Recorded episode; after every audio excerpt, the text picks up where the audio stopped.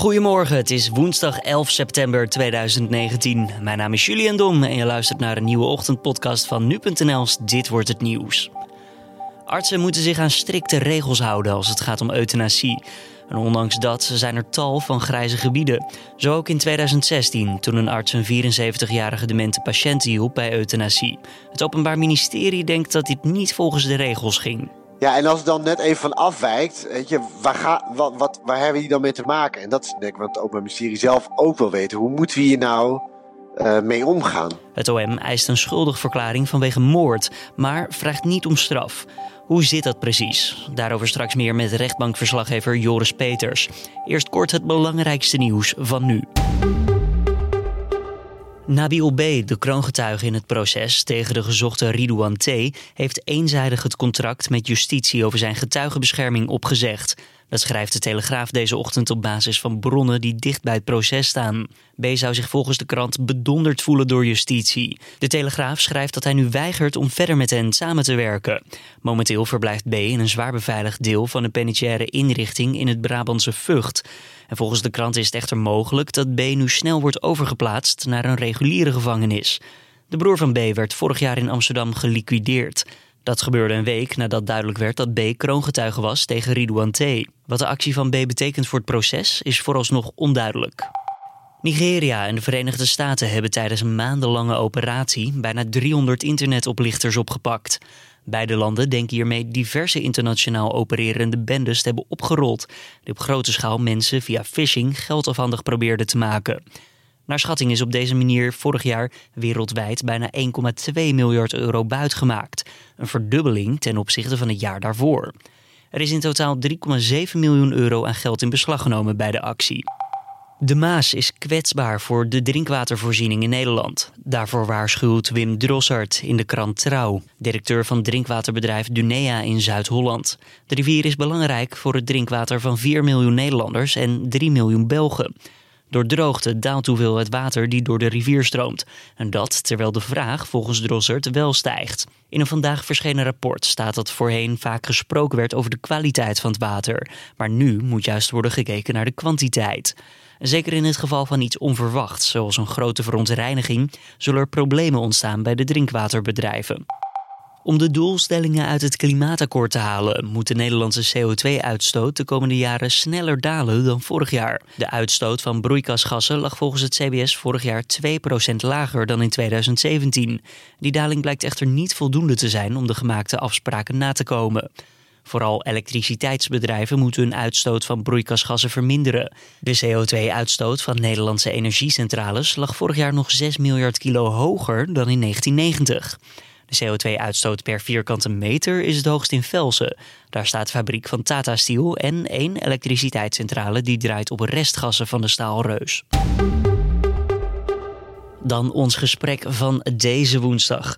Een verpleeghuisarts die in april 2016 een 74-jarige patiënt heeft geholpen euthanasie te plegen, hoort vandaag de rechter uitspraak tegen haar doen. De patiënte zou te dement zijn geweest om haar eigen wil te bepalen.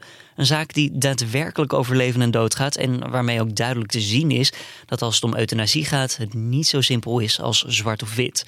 Daarover aan de telefoon, rechtbankverslaggever Joris Peters. Joris, eh, de arts, Catharina eh, A. Zij heeft nu de twijfelachtige eer om de eerste te zijn die door het OM wordt vervolgd sinds de invoering van de wet toetsing, levensbeëindiging op verzoek en hulp bij zelfdoding. Het een hele mond vol. Hoe heeft deze zaak de rechter bereikt? Nou, in principe is elke levensbeëindiging door een arts is strafbaar.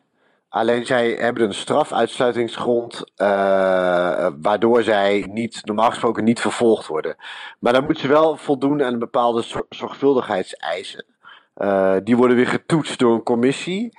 Uh, en als je dan niet aan die eisen hebt voldaan, uh, dan wordt het opgestuurd naar het Openbaar Ministerie en die gaat dan weer verder kijken of er uh, iets strafbaars is gebeurd. En zo ja, kunnen we dat bewijzen en is er een zaak. Nou, in dit geval uh, is die conclusie getrokken, getrokken, dat dat zo is. En daarom ligt deze zaak nu voor de rechter. Ja, er was iets niet volkomen duidelijk over wat de patiënt uiteindelijk zou willen, de demente patiënt. waardoor is die onduidelijkheid ontstaan? Nou ja, zij heeft twee verschillende euthanasieverklaringen opgesteld. En in de eerste staat eigenlijk van ik wil dat uh, zelf beslissen als ik, als ik het nog kan beslissen. Als ik nog wilsbekwaam ben om euthanasie te laten plegen, dan wil ik dat het gebeurt. En later heeft zij die verklaring aangepast. En daarin staat iets anders. En daarin staat eigenlijk, uh, nou als ik de tijd rijp acht, dan wil ik te komen te overlijden. Nou, nou, en dan de voorgeschiedenis erbij is dat deze vrouw eigenlijk heeft aangegeven, wat ik niet wil, is in een verpleeghuis uh, belanden, want daar heeft mijn moeder ook gezeten. Ik heb gezien hoe erg dat is. Uh, dat wil ik niet. Uh, en dan wil ik dood. En deze vrouw had toen al gehoord dat zij dementie had. Hè, of in ieder geval dat dat steeds erger zou gaan worden. Ja. Um, alleen, dat, dat duurde maar, dat duurde maar. En zij maakte niet de keuze op dat moment van ik wil euthanasie. en heeft soms wel gezegd van ik wil dood, maar nu nog niet. Tot het moment dat zij niet meer in staat was om zelf uh, te zeggen, hè, ze was wils onbekwaam, zo, zo dement was ze, van ik wil nu dood. En toen heeft haar man op een gegeven moment gezegd, oké, mijn vrouw zit nu in een verpleeghuis, dit is niet wat ze wilde. En toen heeft de arts uiteindelijk voor gekozen, oké, dit voldoet volgens mij aan het verzoek van die vrouw. Ik voldoe eraan, dit wilde zij niet. Uh, en ik kies daarvoor om euthanasie te plegen. Is dat dan ook het verweer van die arts? Van dit voldoet er op dit moment aan? Zeker, ja, dat zeker. Hij heeft het ook laten, laten je laat het ook keuren door, zou ik maar zeggen, de twee artsen. Je vraagt ook raad bij twee andere artsen. En die zeiden inderdaad van, oké, volgens mij voldoet dit gewoon aan de zorgvuldigheidseisen en kan dit gebeuren. Alleen de commissie zegt gewoon, vooral omdat die vrouw niet meer zelf heeft gezegd, ik wil nu dat er euthanasie gepleegd wordt. Dat ontbreekt. En wij leidde toch af uit die twee verklaringen die zij in heeft opgesteld, dat zij dat had gewild. En dan voldoe je gewoon net niet helemaal aan die zorgvuldigheidseis. En daarmee wordt het dus dan de zaak van het OM. En die heeft het nu voor de rechter gebracht. Ja, voordat we naar het OM gaan, eerst nog eventjes de familie van deze oudere demente vrouw. Uh, ja. Hoe hebben zij gereageerd op deze gang van zaken? Nou ja, de, de, ik geloof dat die dochter heeft een verklaring afgelegd in de rechtbank en zo. Dat, dat haar moeder gewoon uh, dood wilde. En dat deze arts daarna heeft geluisterd. En dat er niks is gebeurd tegen de wil in van die vrouw.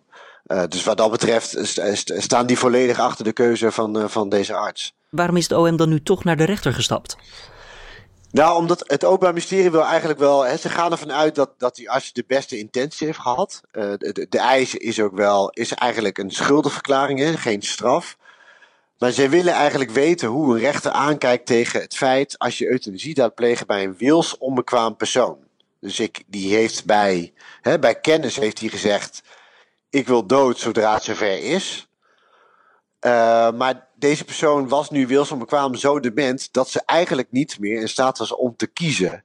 En hoe ga je dan om uh, met euthanasie?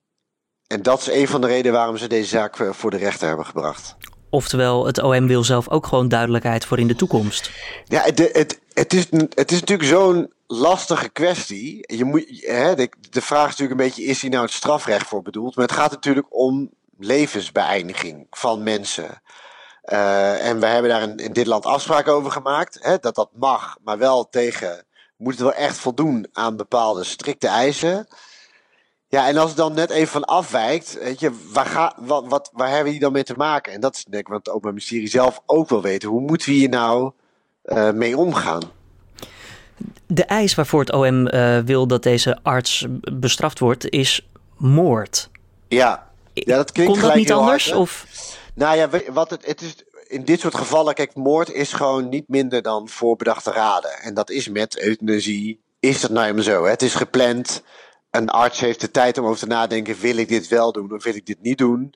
En die besluit uiteindelijk: ik doe dit wel en ik laat iemand sterven. Ja, dan, dan, dan is dat moord.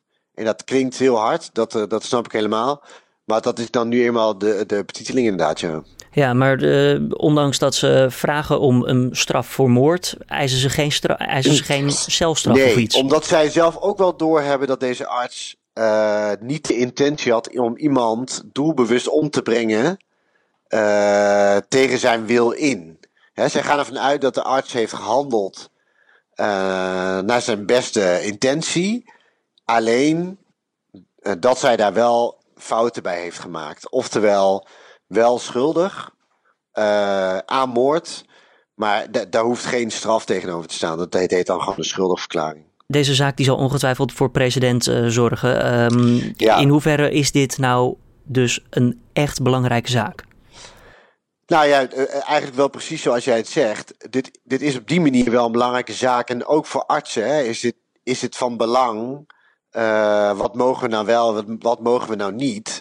Um, maar het, het, blijft hartstikke lastig. Want hoe ga je nou. Hè, je zegt bij stelligheid bij leven: ik wil niet. Uh, ik wil niet zo verder gaan en ik wil op die manier, als, als ik dan dement word, dan wil ik dood. Maar zodra het moment daar is, en je hebt daarvoor niet overtuigd gezegd, ik wil dat het nu euthanasie wordt gepleegd, dan kan je dus ook zeggen, ja, misschien, diegene is zo dement, die komt niet meer uit haar woorden. Ja, dat snap je. Het is zo moeilijk. Uh, dus ja, er wordt wel een president mee geschrapt, maar het is niet dat het dan denk ik nu voor iedereen uh, duidelijk is, denk ik. Nee. Rechtbankverslaggever Joris Peters was dat. Na alle waarschijnlijkheid spreekt mijn collega Carne van der Brink Joris later deze week weer. Uh, dat zal een vrijdag zijn bij de uitspraak van de zaak Wilders. Dan kijken we verder naar de nieuwsagenda voor deze woensdag.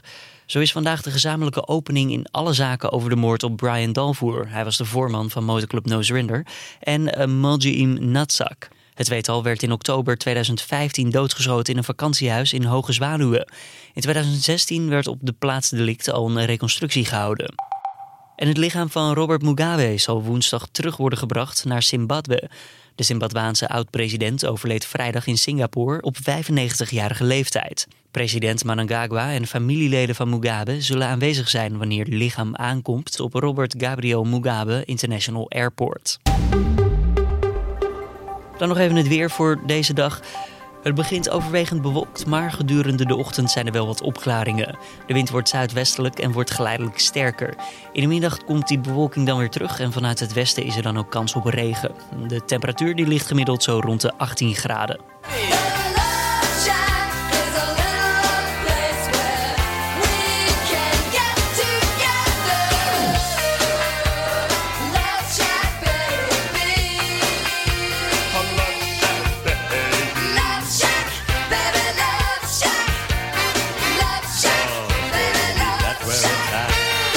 Love Shack van de B-52's was dat. In 1989 stond het nummer trouwens uh, zes weken in de Nederlandse top 40. Ja, lang, lang geleden inmiddels alweer. Uh, maar nog langer geleden, 40 jaar zelfs nadat de band hun eerste album heeft uitgebracht. En dan praten we over vanaf vandaag 40 jaar geleden. Maken ze nu bekend dat ze weer met nieuwe muziek komen. En dat is nieuws, want de laatste keer dat deze band met nieuwe muziek kwam, dat was 11 jaar geleden. Nou, dit jaar kunnen de fans twee nieuwe nummers verwachten, waarna volgend jaar dan een verzamelbox verschijnt met daarop al het werk van de B-52's. En ja, tot we horen hoe het nieuwe werk klinkt, moeten we het dan nog maar even doen met die oude nummers.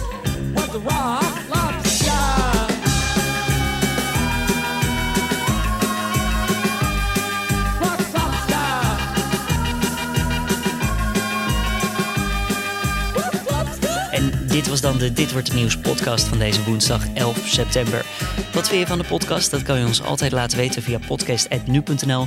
Tips kunnen ook deze kant op als je iets met ons wilt delen... wat wij zelf misschien over het hoofd hebben gezien... of waar we nog niet over geschreven of gesproken hebben. Uh, mail het dus zeker allemaal deze kant op. Mijn naam is Julian Dom en ik wens je een hele goede woensdag. En tot morgen weer.